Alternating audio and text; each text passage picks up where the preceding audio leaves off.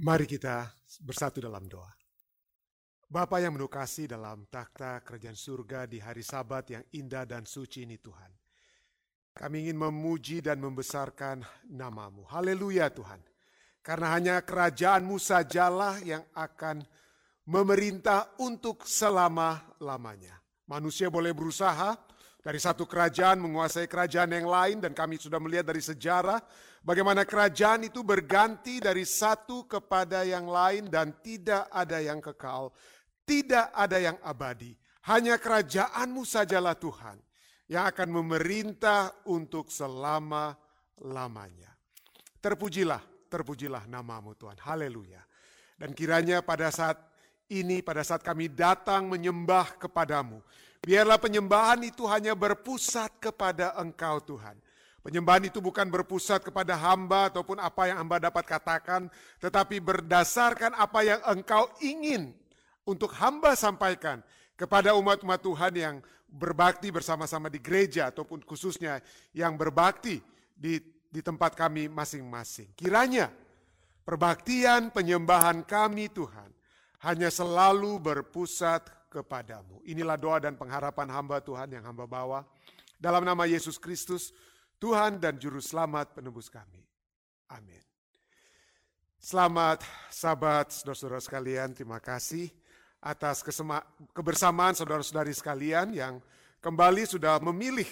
Ya, Anda memilih, saya percaya ada di antara Anda yang ada di Indonesia, Anda dapat memilih untuk tidur karena saat ini mungkin sudah jam satu malam di Manado atau jam 12 tengah malam di Jakarta. Anda dapat memilih untuk untuk tidur, tapi Anda mungkin memilih bersama-sama dengan kami.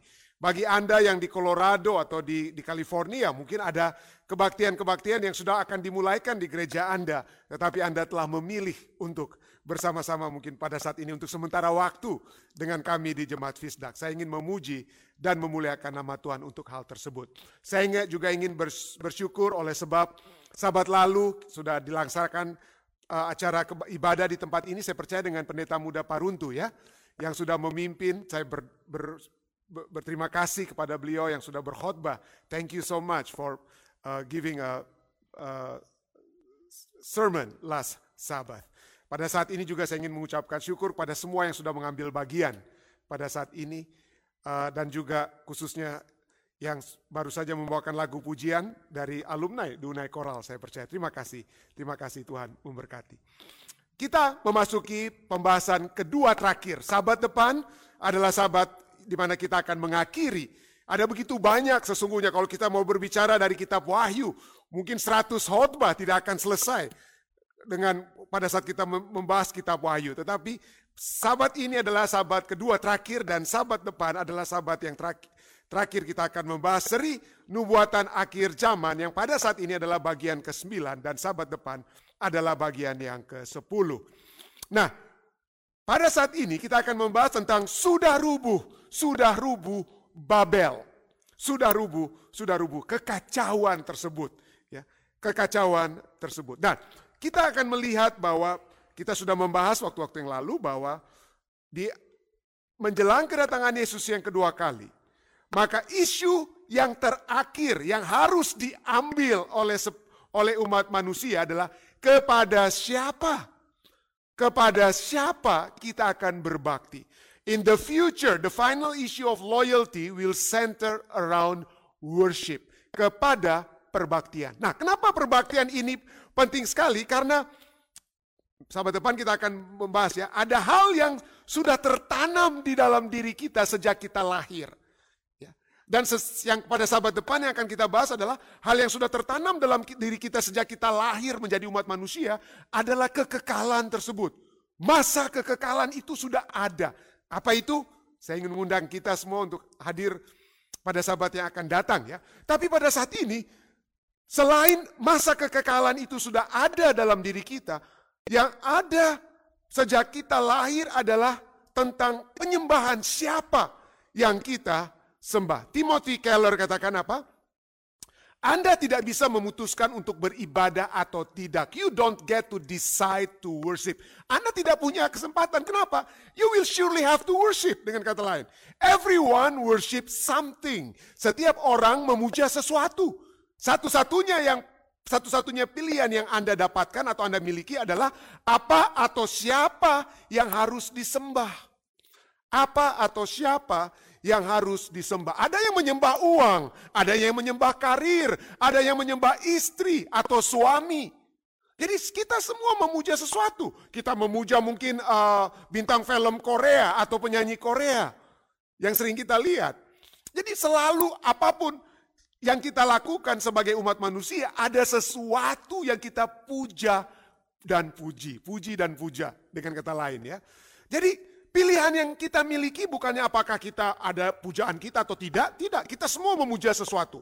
Tetapi pilihannya adalah kepada siapa yang akan kita pilih untuk kita berbakti kepadanya. Nah, kata berbakti atau ibadah worship ya, itu berarti kita apa ya? Menurut vocabulary.com, to worship is to show a lot of love or adoration for something. Jadi kita menunjukkan cinta kita. Wah, waktu saya kecil, Ya waktu saya masih SMP, SMA, saya, saya ada ada penyanyi-penyanyi yang saya suka apa? Yang saya suka, waduh posternya itu besar sekali di kamar saya, saudara. Karena mereka lah yang saya puja-puja pada saat itu. Ya, mereka yang saya puja-puja. Jadi kita selalu memiliki sesuatu yang kita kasih dan kita apa? Ingin terus-menerus kita lihat. Ada yang memuja teleponnya, ada yang memuja mobilnya, ada yang memuja ini dan itu. Bahasa Indonesia tentang ibadah ini ya mungkin karena Indonesia masih religious country ya uh, agama yang agamawis, kata ibadah adanya apa ya? Perbuatan untuk menyatakan bakti kepada Allah yang didasari ketaatan mengerjakan perintahnya atau menjauhi larangannya. Jadi itulah ibadah bagi kamus besar bahasa Indonesia. Ada yang kita apa?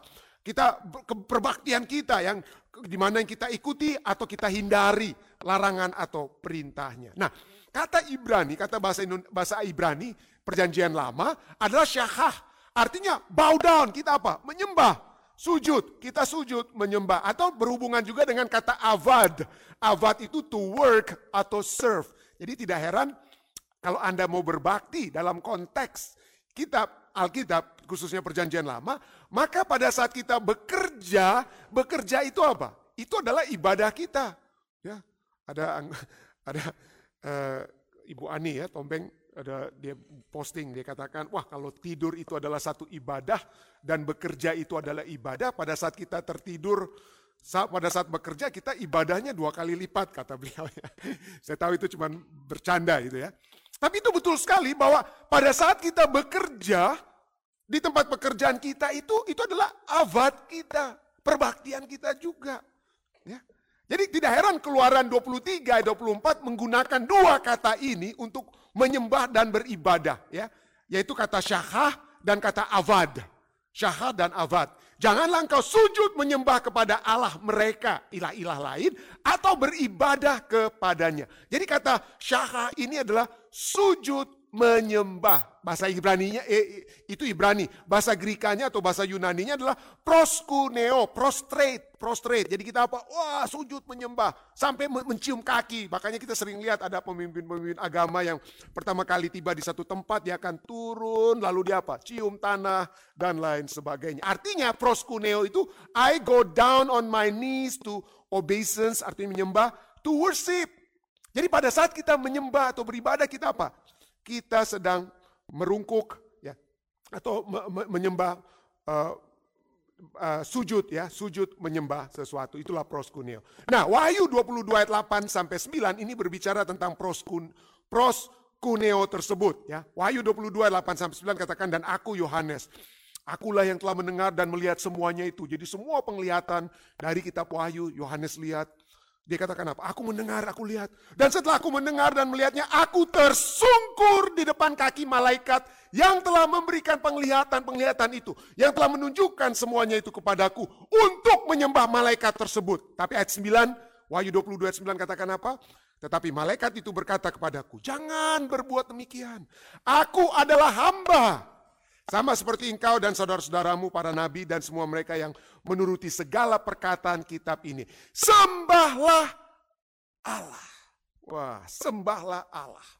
Jadi di dalam kehidupan kita, Ya, sejak saya, saya katakan tadi, se, se, setiap umat manusia akan memiliki sesuatu atau seseorang atau satu hal yang disembah. Yang disembah. Tapi pertanyaannya berdasarkan Wahyu 22 ayat 8 dan 9 ini, siapa yang kita mau sembah? Kalau manusia yang kita sembah, malaikat saja, itu ciptaan yang lebih tinggi daripada bintang-bintang film Hollywood, yang lebih tinggi daripada bintang-bintang film Korea. Ya. Tapi malaikat saja yang lebih tinggi itu katakan, eh jangan sembah saya. Jangan sembah saya. Sembahlah siapa? Sembahlah Allah. Sembahlah Allah daripada kita menyembah apa yang dibuat oleh manusia. Anda menyembah istri Anda di masa mudanya, tapi orang berubah. Anda menyembah suami Anda di masa mudanya, suami itu bisa berubah. Ya. Mungkin waktu masih muda dia six pack orang bilang. Oh, waktu waktu apa ya? Waktu tua mungkin tidak ada lagi six pack jadi biapong. Artinya berubah. Manusia berubah, kekayaan bisa hilang. Kekayaan bisa hilang, harta bisa hilang, segala sesuatu yang Anda mau coba sembah, entah itu mobile phone, mobil, dan lain sebagainya, akan hilang. Akan hilang. Tapi pada akhir zaman, mungkin penyembahan itu bukan kepada barang-barang atau benda. Ya, ada begitu banyak hal yang akan hebat yang terjadi menjelang akhir akhir zaman sehingga pilihannya hanya dua. Bukan Anda harus memilih menyembah uang dan lain sebagainya. Tetapi apakah Anda memiliki apa? Kenapa? Karena pada akhir zaman seperti kita sudah pelajari dari seri nubuatan ini. Akan begitu banyak hal-hal yang terjadi. Bencana alam dan lain sebagainya. Uang dan harta itu menjadi tidak berarti. Orang-orang sekarang ingin melihat kuasa di luar mereka yang akan membawa mereka keluar dari segala bencana, segala masalah yang mengerikan yang akan terjadi di bumi. Dan mereka harus memilih. Apakah menyembah Allah yang sesungguhnya. Atau menyembah Allah yang digambarkan oleh satu kuasa. Yang akan menyatakan inilah, inilah wakil Allah di bumi. Ya, worshipping the creator or worshipping the beast. Dan kepada saudara dan saya sudah diamarkan ini. Wahyu, kitab Wahyu sudah mengamarkan dalam pekabaran tiga malaikat tentang menyembah ini. Wahyu 14 berbicara tentang pekabaran malaikat yang pertama. Wahyu 14 ayat 6 dan 7. Dan aku melihat seorang malaikat lain terbang di tengah-tengah laut dan padanya ada Injil yang kekal untuk diberitakannya kepada semua yang diam di atas bumi dan kepada semua bangsa, suku, bahasa, dan kaum. Dan ia, malaikat pertama ini berseru dengan suara nyaring, takutlah akan Allah dan muliakanlah dia. Kenapa? Karena manusia tidak lagi takut akan Tuhan, tidak lagi muliakan dia. Muliakan hal-hal lainnya. Ya, muliakan mungkin status mereka, keuangan mereka, dan lain sebagainya. Bukan lagi takut akan Allah dan memuliakan dia. Karena telah tiba saat penghakimannya. Dan sembahlah dia. Sembahlah dia yang telah menjadikan langit dan bumi dan laut dan semua mata air. Sembahlah Allah. Kenapa? Karena menjelang kedatangan Yesus yang kedua kali ada yang menyembah apa ya? Menyembah yang dalam tanda kutip wakil Allah. Ayat ini katakan sembahlah dia langsung, bukan wakil Allah dalam dunia ini. Tapi ada, kita sudah pelajari dalam sejarah dunia. Ada yang mengaku sebagai wakil Allah. Siapa dia? Ini yang dikatakan oleh pekabaran malaikat yang kedua. Ini malaikat yang pertama ya. Wahyu 14 ayat 6 sampai 7. Malaikat yang kedua, Wahyu 14 ayat 8 dan seorang lain dan seorang malaikat lain, malaikat kedua menyusul dia dan berkata, "Sudah rubuh, sudah rubuh Babel kota besar itu yang telah memabukkan segala bangsa dengan anggur hawa nafsu cabulnya." Jadi ada yang rupanya tidak menghormati, tidak takut kepada Allah, tidak menyembah Allah. Karena apa? Karena mereka dimabukkan oleh Babel. Kota besar ini cukup menarik kata sudah rubuh, sudah rubuh Babel ya. Bicara tentang kejatuhan Babel. Kenapa? Karena ini pada saat diberitahukan kepada Yohanes itu dalam satu bentuk bahasa Yunani kosa, kosa, kosa kata atau kata yang digunakan itu adalah bentuk auris. Nah apa itu auris? Auris itu menunjukkan kepada satu poin yaitu prophetic perfect. Arti daripada prophetic perfect ini adalah bahwa event yang akan terjadi, kejatuhan Babel, kerubuhan Babel itu nantinya akan terjadi in the future, di masa depan. Tetapi pada saat menggunakan auris, dia menggunakan apa ya? Past tense. Jadi auris itu future event described in the past tense. Jadi as if it is already happened. Seakan-akan itu sudah apa? Terjadi. Artinya begini, pada saat kita sudah pernah bahas ini ya, pada saat Tuhan katakan rubuh Babel, dia tidak katakan Babel akan rubuh, Babel akan rubuh, tidak. Allah katakan Babel sudah rubuh, artinya kerubuhannya itu pasti. Kerubuhannya itu pasti. Dan ini bukan hanya auris dalam bahasa Yunani, saudara. Kita lihat konteks daripada prophetic perfect ini muncul, kelihatan di perjanjian lama, Yesaya 21 ayat 9, kalau Anda membuka Alkitab Anda. Sana dikatakan, lihat, ini Yesaya bicara tentang kejatuhan Babel, padahal itu masih 150-an tahun kemudian. Itu belum jatuh Babel. Yesaya punya nubuatan ini, Babel itu bahkan belum ada. Belum ada sebagai, sudah ada tapi belum ada sebagai apa? Pemimpin dunia, masih 150 tahun ke depan. Tapi apa yang dia katakan di sana? Apa yang dikatakan dalam Yesaya 21 ayat 9? Lihat, itu sudah datang sepasukan orang. Pasang pasangan orang berkuda lalu berserulah ia katanya. Sudah jatuh, sudah jatuh Babel dan segala patung berhalanya telah diremukkan dan bertaburan di tanah. Dan pada saat Yeremia, Yeremia menyatakan dalam Yeremia 51 ayat 8, Babel itu belum jatuh. Babel itu akan jatuh kurang lebih 70-an tahun lebih setelah Yeremia berkata. Apa dikatakan sana? Tiba-tiba Babel jatuh dan pecah. Ratapilah dia. Jadi pada saat Tuhan berkata jatuh, rubuh, itu pasti.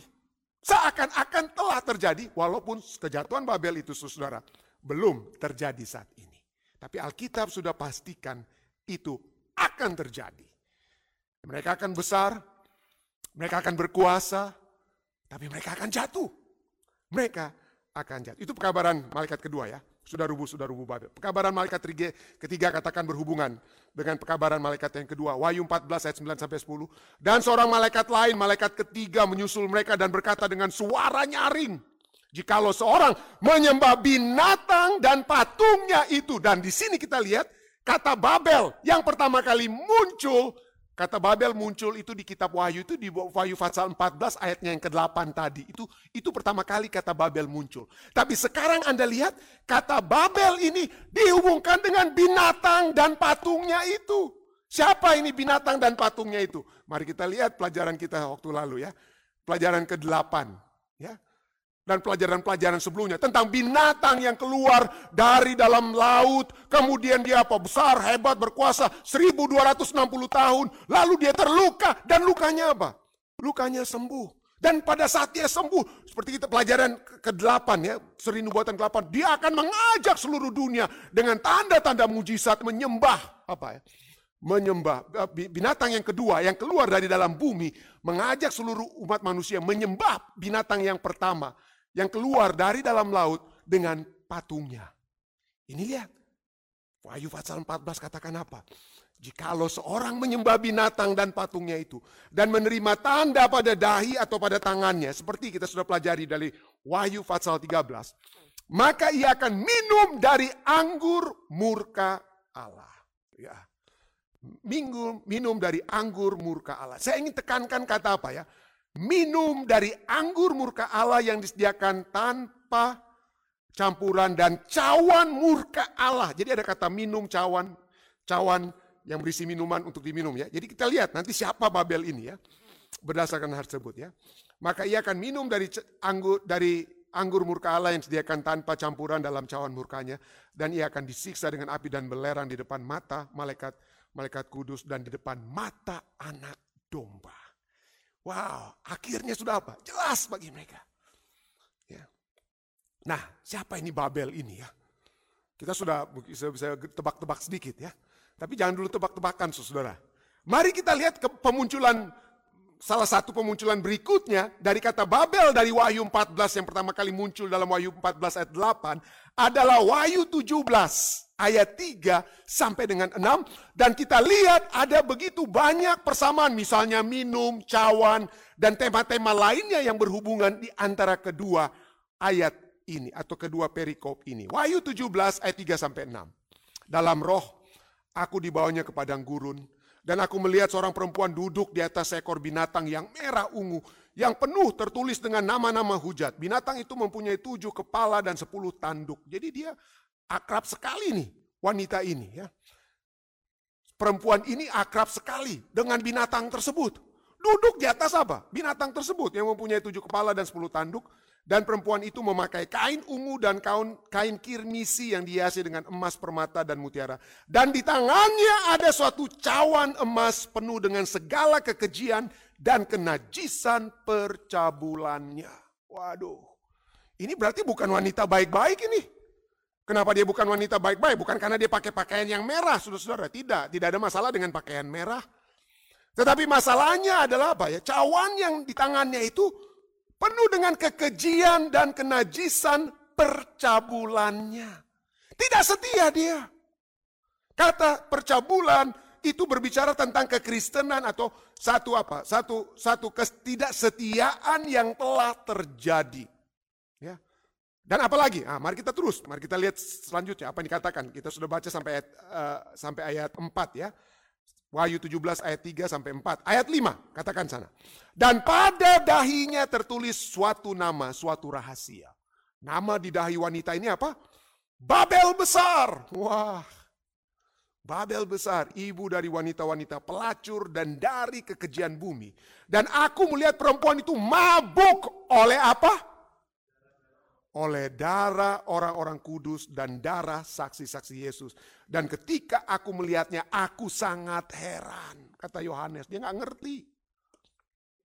Ya. Kenapa?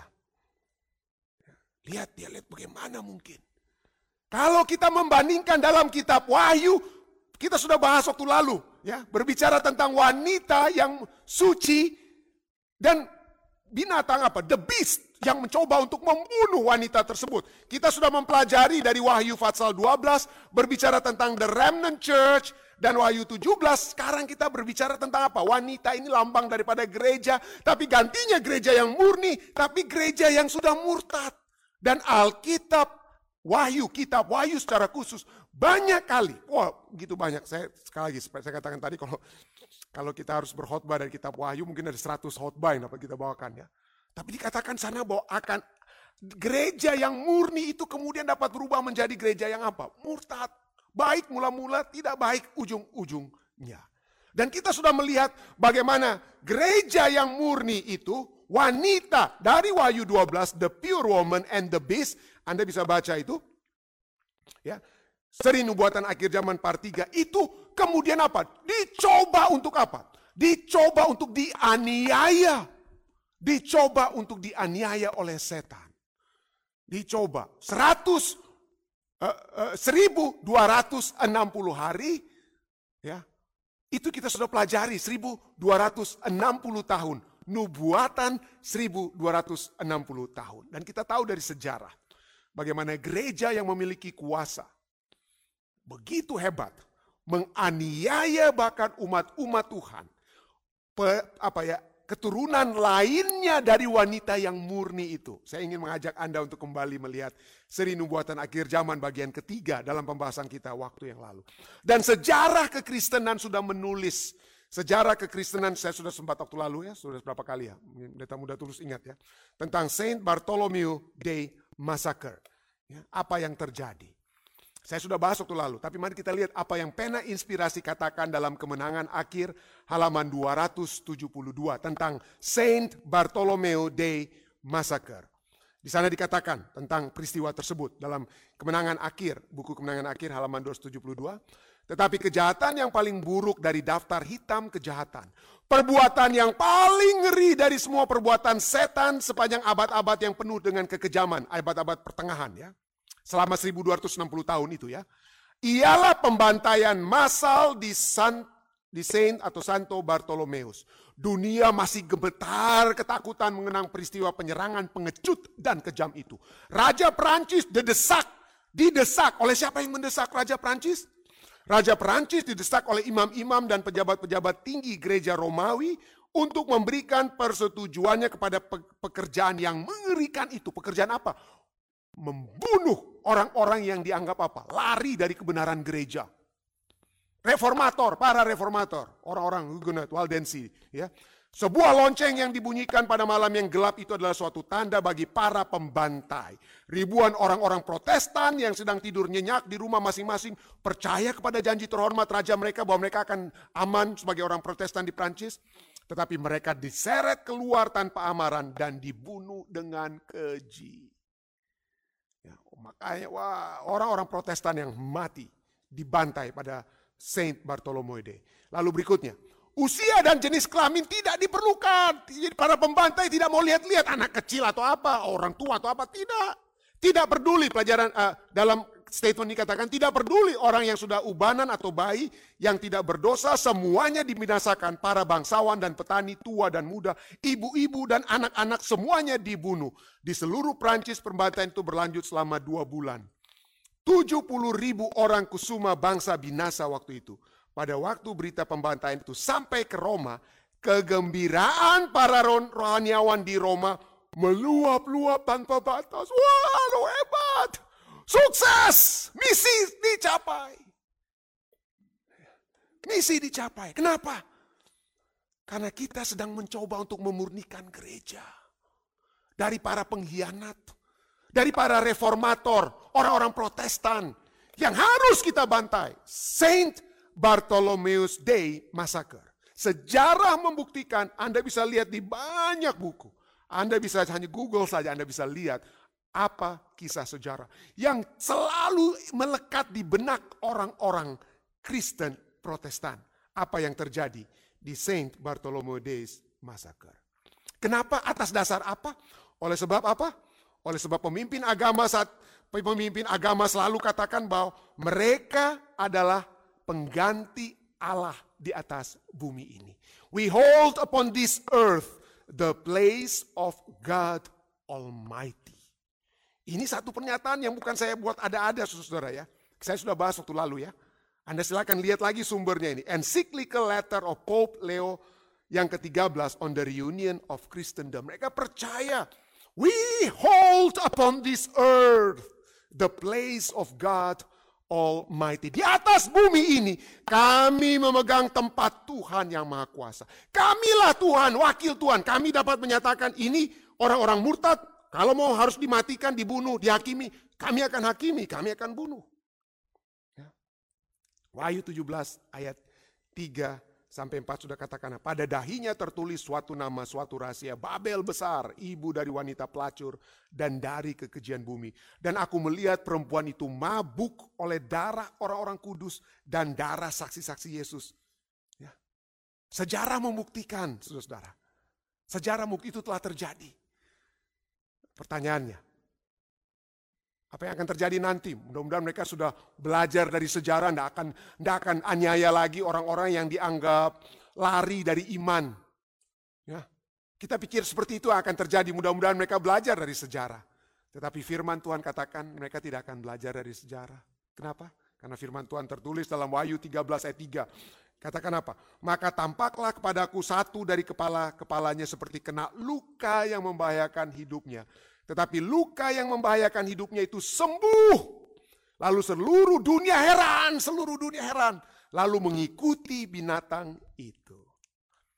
Wahyu 17 ayat 8, ide yang sama dari Wahyu 13 ayat 3 kembali diulangi dalam Wahyu 17 ayat 8 saat kita berbicara tentang wanita ya yang disebut dengan Babel yang besar itu. Katakan apa?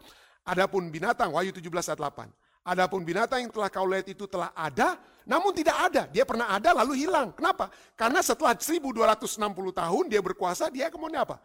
Ditawan, hilang sementara. Ya.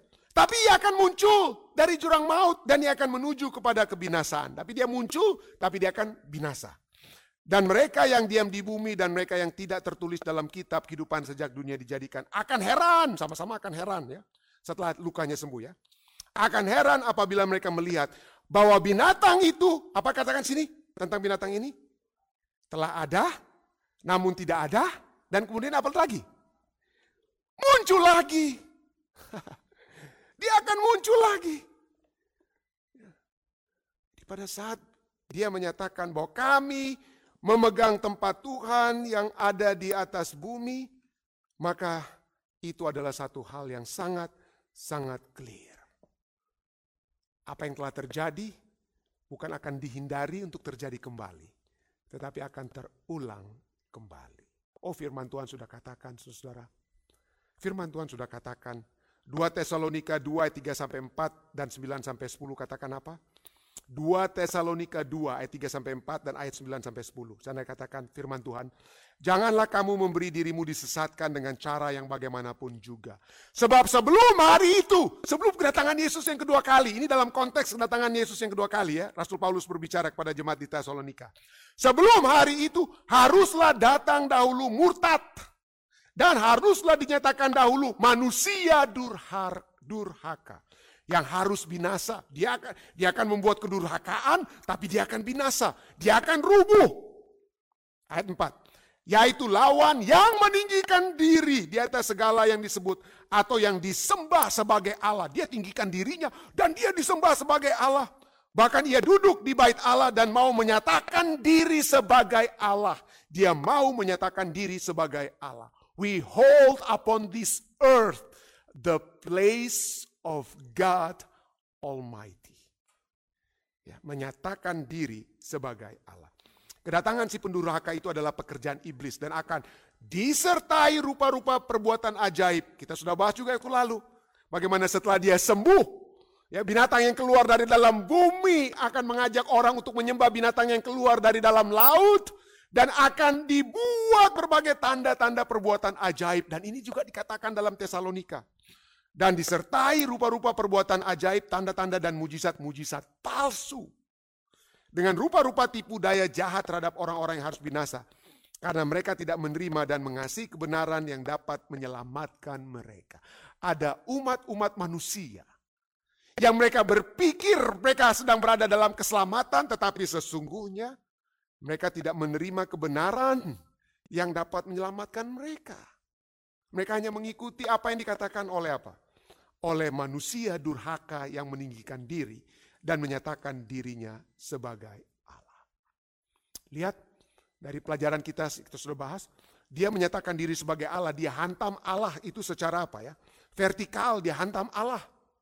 Lalu bukan aja itu dihantam, dia mem, apa? Dia menganiaya umat Tuhan. Artinya dia hantam juga apa? Horizontal. Dia melawan Allah dan dia menganiaya umat Allah.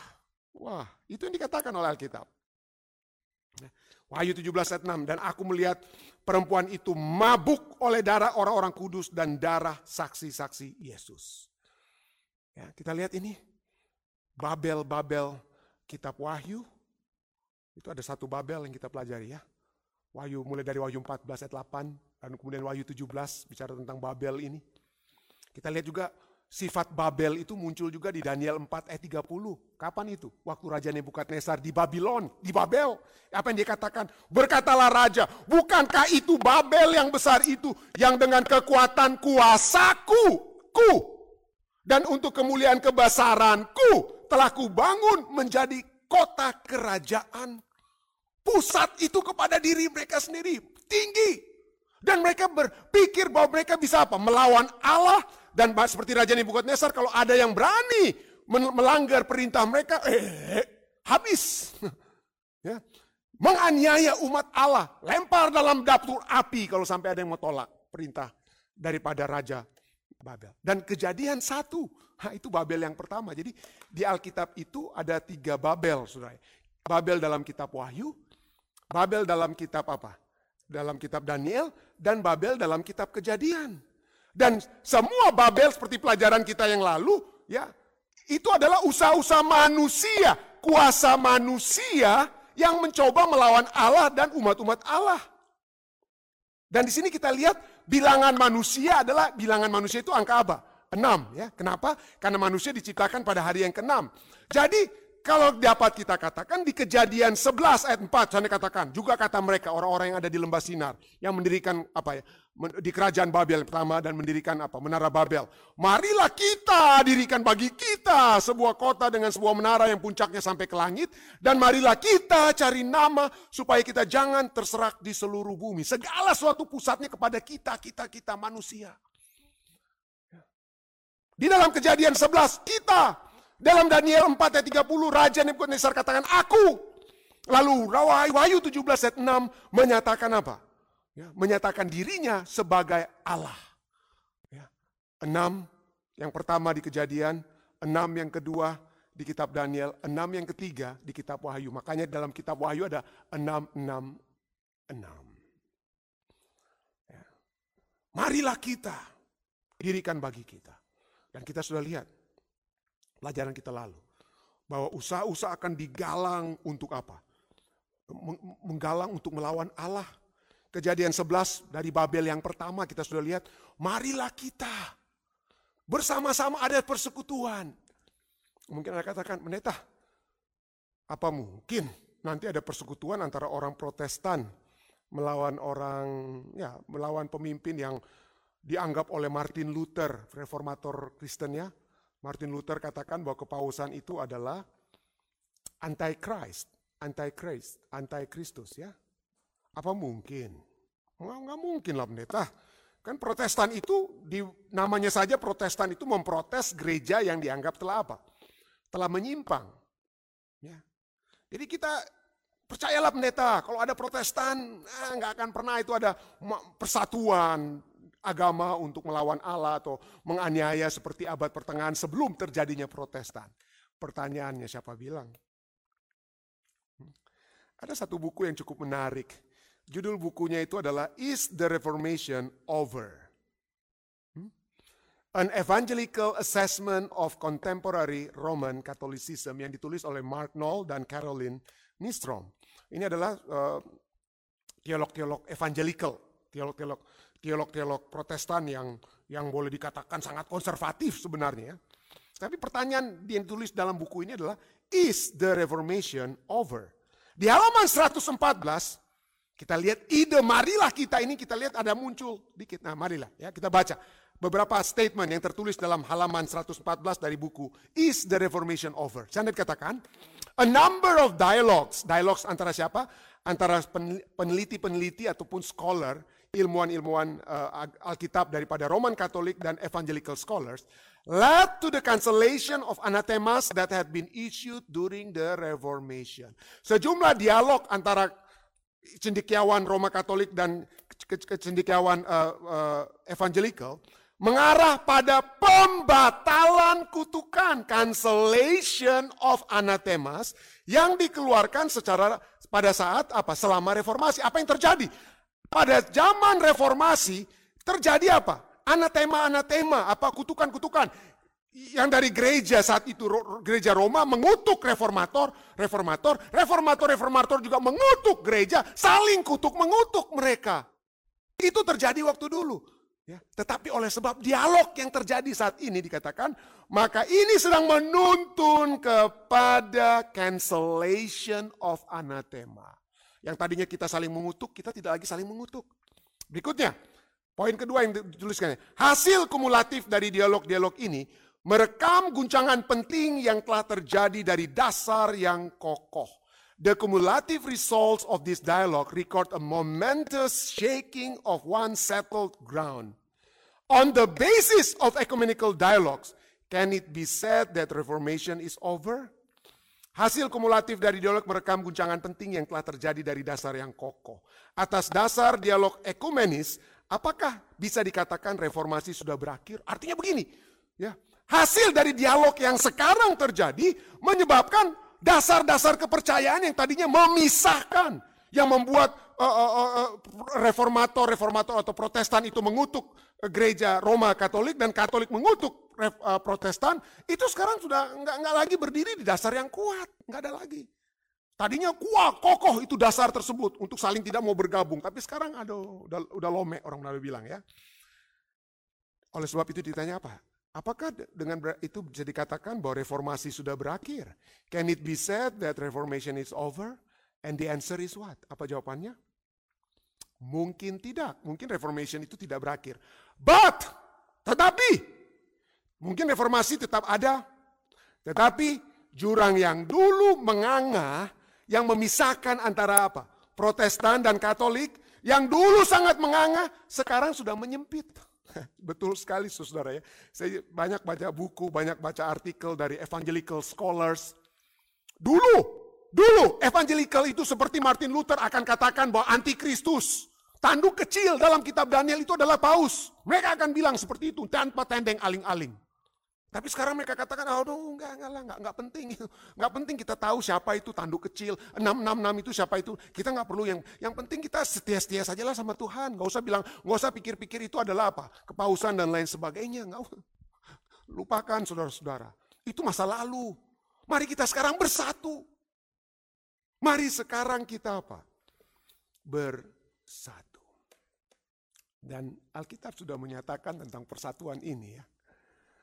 Alkitab sudah sudah menyatakan tentang marilah kita ini, marilah kita bersatu itu sudah dinyatakan menjelang kedatangan Yesus Kristus yang kedua kali. Menjelang kedatangan Kristus yang kedua kali pada satu kutuk dengan kata lain. Kita lihat dalam Wahyu 16 ayat 13 sampai 14 ada persatuan yang dibuat.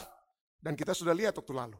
Apabila terjadi masalah sosial, apabila terjadi masalah di alam, apabila terjadi masalah di segala sesuatu yang akan terjadi di dunia yang dibikin kacau, akan ada suara-suara yang katakan, eh, mari, mari, mari, mari kita bersatu. Mari kita berdoa bersama-sama. Mari kita apa? Bersekutu bersama-sama. Ya, kita hadapi tantangan-tantangan ini, mari kita bersama. Mari kita berbakti di hari yang yang yang dapat kita apa? Satu bersatu di hari perbaktian tersebut. Ada tanda-tanda ajaib yang dibuat dan lain sebagainya. Dan Alkitab berkata dalam Wahyu 16 ayat 13 dan sampai dengan 14. Dan aku melihat, ya, sudah dilihat oleh siapa? Oleh Yohanes. Ya, walaupun dia tidak dia tidak alami saat itu tapi secara apa ya secara langsung tapi melalui penglihatan tapi dia lihat dan aku melihat dari mulut naga siapa naga ini setan ya kita sudah belajar naga, ular tua, iblis. Dan aku melihat dari mulut naga dan dari mulut binatang. Eh, binatang ini siapa ini binatang? Binatang yang mana ini? Yang keluar dari dalam bumi atau dari laut? Dari dalam laut. Karena dari dalam bumi mengajak seluruh umat manusia menyembah binatang yang keluar dari dalam laut yang luka parah sudah sembuh. Jadi naga keluar, mulut dari naga, dari binatang keluar. Apa ya? Dari mulut itu. Lalu juga dari yang ketiga, nabi palsu. Siapa lagi ini nabi palsu ini? Kalau kita mempelajari kitab ini kembali berbicara tentang apa? Usaha yang tadinya melukai binatang, yang tadinya dia menawan binatang tersebut, tetapi sekarang dia bersatu. Ya, dia bersatu. Nabi palsu ini itu mengajak kepada apa ya? Mengajak kepada, berbicara kepada apa yang tadinya diagung-agungkan oleh binatang yang keluar dari dalam bumi Amerika Serikat. Yaitu protestantisme, orang di, dikirim semua, orang diterima semua. Untuk dapat apa? Untuk dapat uh, memiliki kebebasan beragama di Amerika Serikat. Protestantisme itu berkembang. Tetapi kemudian dia berbicara seperti naga. Ya. Anak, dia adalah bagaikan domba, tapi kita sudah baca dari Wahyu 13, dia kemudian berbicara seperti apa? Naga dan protestantisme, apostate protestantisme inilah. Dari ketiga ini yang marilah kita digabung itu. Keluarlah tiga roh najis yang menyerupai katak. Ya, mereka akan mendapatkan raja-raja di seluruh dunia untuk mengumpulkan mereka guna peperangan pada hari yang besar. Berusaha. Ekumenisme. Disatukan. Mari kita Mari kita bersatu. Tapi seperti usaha-usaha untuk mempersatukan. Nebukadnezar pada saat dia mendirikan patung Nebukadnezar yang dia dirikan itu melarang melanggar apa yang Tuhan katakan. Tuhan cuma cuma bilang kamu itu kepalanya itu kepala emas itu cuma kamu. Tapi sesudah itu ada yang ganti tapi dia tidak. Dia bikin semua patung Nebukadnezar dari dari apa? Dari emas semuanya. Lalu dia undang seluruh orang di seluruh dunia ya, artinya seluruh yang dikuasai oleh Babylon saat itu untuk datang menyembah menyembah patung tersebut disatukan untuk menyembah yang salah Disatukan untuk melarang, ah, melanggar, melawan firman Tuhan. Dan itu akan selalu terjadi. Ya. Dan umat-umat manusia di kejadian 11 juga disatukan untuk melawan firman Tuhan. Tuhan sudah katakan, eh tidak akan ada lagi air bah. Tapi mereka dirikan. Dirikan menara yang sampai ke surga. Tapi apa yang terjadi? Kita lihat segala usaha-usaha untuk menyatukan itu gagal. Wahyu 16 ayat 13 sampai 14 usaha untuk marilah kita itu digabung. Tetapi ayat 19 dari Wahyu 16 menyatakan lalu terbelahlah kota besar itu menjadi pusat daripada pusat terkekuasaan daripada binatang itu. Terbelahlah kota besar itu menjadi tiga bagian dan runtuhlah kota-kota bangsa-bangsa yang tidak mengenal Allah. Maka teringatlah Allah akan Babel yang besar itu untuk memberikan kepadanya cawan yang penuh dengan anggur kegeraman murkanya. Binatang ini atau Babel ini dia mencoba untuk melawan Allah, menganiaya umat-umat Allah, mengeluarkan ang, apa ya, kegeramannya tetapi ujung-ujungnya dia yang akan menerima kegeraman daripada Allah. Dan Allah sudah berkata dalam Wahyu 14 ayatnya yang ke-8, sudah rubuh, sudah rubuh Babylon. Sudah rubuh. Saudara, saudara-saudara yang saya kasih ya, kita tahu ini sudah satu nubuatan yang sudah dinyatakan dari kitab Wahyu. Dan kita sudah bisa melihat. Ya, itu belum terjadi saat ini, tetapi saya akan mengajak saudara untuk melihat bukan dengan mimpi, bukan dengan penglihatan, tapi melihat apa yang terjadi dengan Babel yang besar, yang rubuh itu ya. Apa? Coba Anda tahu apa apa kerajaan Kenapa Babel ini hebat sekali di, di apa ya? Di, disebutkan dalam kitab Kejadian dan kitab Daniel sampai Wahyu dari dengan kata lain dari kitab Daniel sampai Wahyu Babel itu muncul terus. Kenapa? Apa istimewanya daripada Babel ini? Apa kira-kira? Karena Babel ini adalah nama kerajaan pertama di bumi. Kejadian 10 ayat 10. Bicara tentang apa? Mula-mula kerajaannya terdiri dari Babel, Erek, dan Akad, semuanya di tanah Sinear. Nah kerajaannya siapa ini? Kerajaan yang terdiri di Babel. Itu kejadian ayat sebelumnya.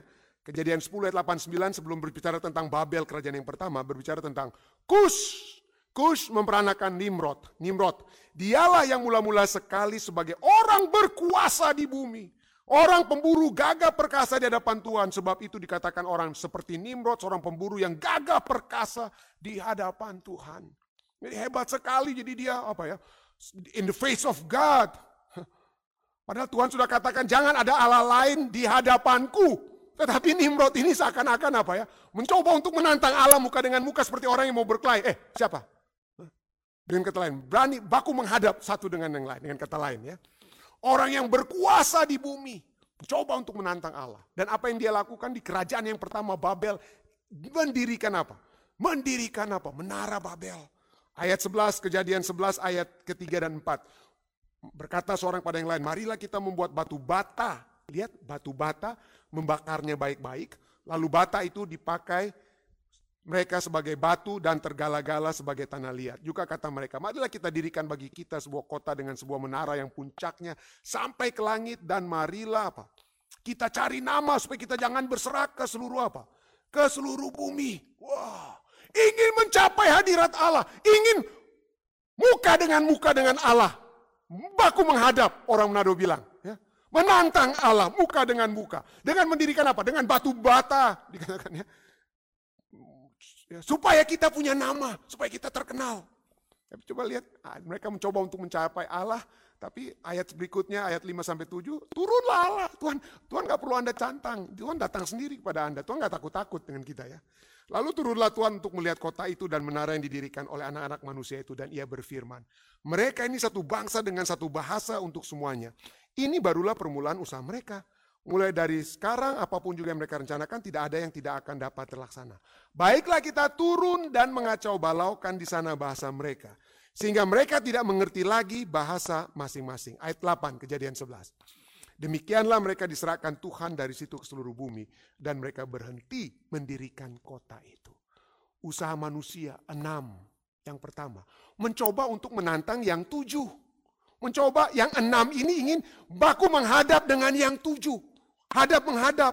Tapi coba kita lihat, yang enam ini tidak akan pernah menjadi tujuh.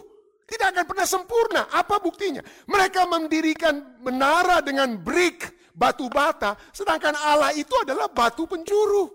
Batu yang keras. Mereka ingin go up. Nggak perlu mereka go up. Allah yang came down. Mereka pikir mereka akan berdiam di lembah Sinar, Sinai, uh, Sinear, tetapi Allah kacaukan mereka. Mereka ingin memiliki nama bagi diri mereka sendiri. Allah kacaukan bahasa mereka sampai mereka nggak tahu nama orang yang lain satu dengan lain, nggak tahu mereka nama masing-masing. Kacau, usaha enam untuk mencapai tujuh atau menjadi tujuh tidak akan pernah tercapai, saudara. Makanya dia coba enam, enam, enam. Coba untuk menjadi tujuh, nggak akan pernah bisa. Enam, enam, enam, enam terus. Ya. Kenapa? Karena pada saat kita menghadapi Allah, kita itu bagaikan anak kecil.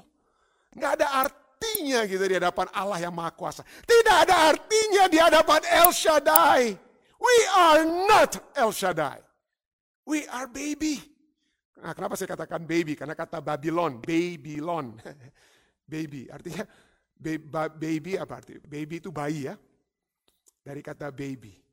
Makanya dari Babylon, baby, baby bubbler, anak-anak. Bahasa anak-anak Babylon ngomong sembarangan aja. Alkitab sudah katakan segala usaha untuk menantang Allah yang maha tinggi, menganiaya umat-umat kudus Allah tidak akan berhasil. Sudah rubuh, sudah rubuh Babel. Kota besar itu yang telah memabukkan segala bangsa dengan anggur hawa nafsu cabulnya. Tapi dia akan menerima, tadinya dia gunakan anggur untuk memabukkan bangsa-bangsa. Tetapi kemudian yang akan dia minum adalah anggur murka Allah. Ya, anggur murka Allah. Allah mengajak kita untuk menyembah dia. Menyembah dia. Ya.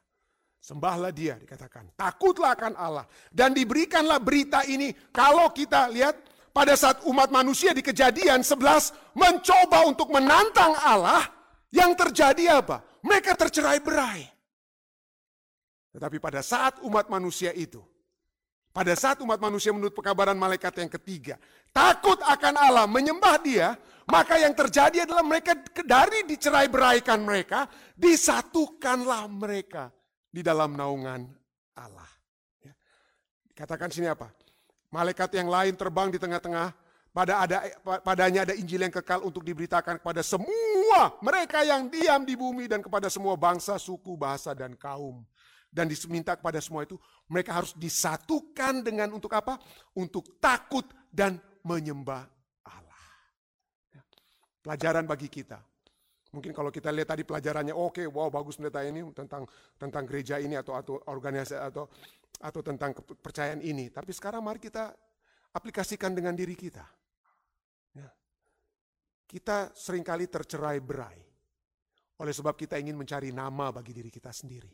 Ingin menjadi seperti Nimrod dengan kekuatan kita. Eh, siapa yang akan berkuasa di jemaat Fisdak? Eh, siapa yang akan berkuasa di, di Uni Indonesia kawasan Barat? Siapa yang akan berkuasa di Indonesia kawasan Timur? Dan lain sebagainya. Kita mencoba untuk melihat, pisah-pisahkan. Eh, ini milik kami. Jadi Amerika Serikat sekarang ini kita mendengar istilah-istilah seperti nativism. Ya, nativism atau atau orang-orang yang merasa bahwa apa ya? Ada teori di Amerika bahwa ada replacement idea, yaitu wah kita orang-orang yang asli di Amerika ini janganlah diganti oleh para imigran atau pendatang dan lain sebagainya. Ada yang disebut dengan istilah replacement teori. Kenapa? Karena kita, oh kita ini Amerika ini buat untuk kita, untuk ras kita. Tapi jangan hanya itu, bukan hanya di, di Amerika, saudara. Itu juga ada di Indonesia. Kita melihat ini ada kapling-kapling kita. Oh ini kaplingnya orang Papua. Oh ini kaplingnya orang Jawa. Ini kaplingnya orang Manado. Ini kaplingnya orang Batak. Dan lain sebagainya. Kita pisah-pisahkan diri kita. Tapi Tuhan mengajak kita semua. Kepada semua bangsa, suku, dan bahasa, dan kaum. Takut Tuhan. Sembahlah dia. Disatukan oleh Tuhan. Kenapa? Karena pada saat kita berada dalam kerajaan surga. Wahyu 7 ayat 9 sampai 10 katakan bahwa kita akan disatukan di dalam penyembahan akan Tuhan. Wahyu 7 ayat 9 sampai 10 katakan. Kemudian pada waktu pada kemudian daripada itu aku melihat Sesungguhnya suatu kumpulan besar orang banyak yang tidak dapat dihitung banyaknya dari segala bangsa dan suku dan kaum dan bahasa berdiri di hadapan takhta dan di hadapan anak domba memakai jubah putih dan memegang daun-daun palem di tengah mereka. Ayat 10. Dan dengan suara nyaring mereka berseru, keselamatan bagi Allah kami yang duduk di atas takhta dan bagi anak domba. Mereka semua disatukan oleh siapa? Oleh Allah dan anak domba yang menyatukan mereka. Mereka bukan disatukan karena mereka orang dari suku ini. Mereka disatukan bukan karena mereka dari warna kulit ini dan warna kulit itu. Tidak. Tapi mereka disatukan oleh anak domba Allah. Dan semua yang disatukan oleh anak domba Allah. Bukan disatukan oleh suku mereka. Bukan disatukan oleh ras mereka. Merekalah yang akan masuk ke dalam kerajaan surga. Kiranya ini dapat menjadi bagian kita semua. Saya bawa ini dalam nama Yesus. Amin.